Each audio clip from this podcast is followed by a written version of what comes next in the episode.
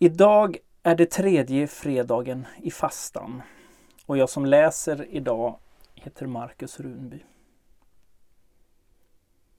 Behärska eller förvandla. När ni fastar, se då inte dystra ut som hycklarna, som vanställer sitt utseende för att människorna ska se att de fastar. Sannerligen, de har redan fått ut sin lön. Matteus evangeliet 6 och 16.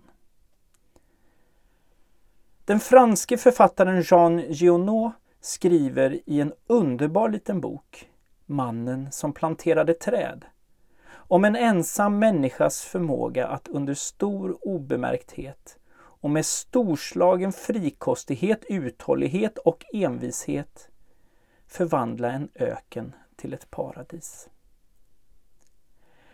Människan har i grunden bara ett val i livet. Att förvandla världen eller att behärska världen. Med Kain inleds intrigen att behärska världen.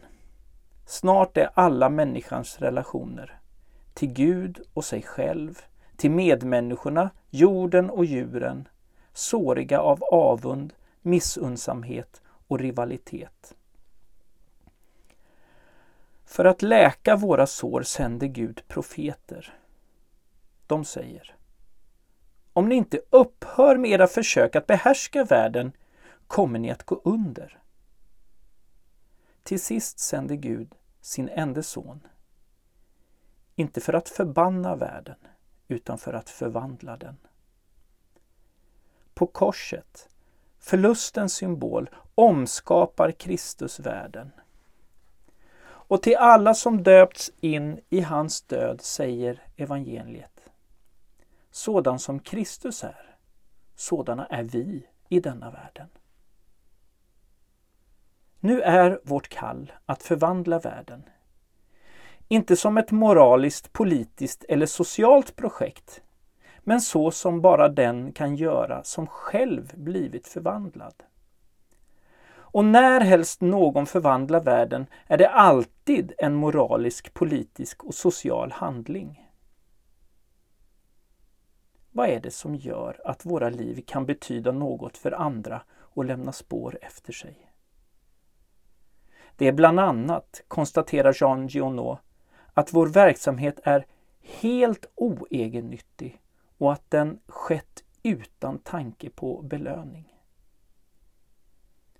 Så bör det också vara med fastan, framhåller Jesus.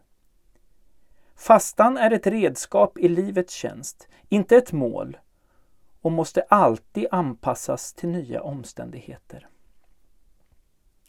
För att den ska förvandla oss själva och världen behöver den ske dold för omgivningens blickar, utan all tanke på nytta eller avkastning. Att fasta obemärkt är att fasta väl.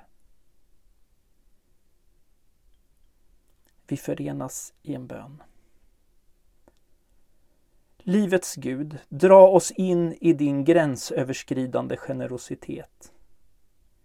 Låt oss alltid vara på väg mot ett liv som är i samklang med honom som är påskens Herre. Amen.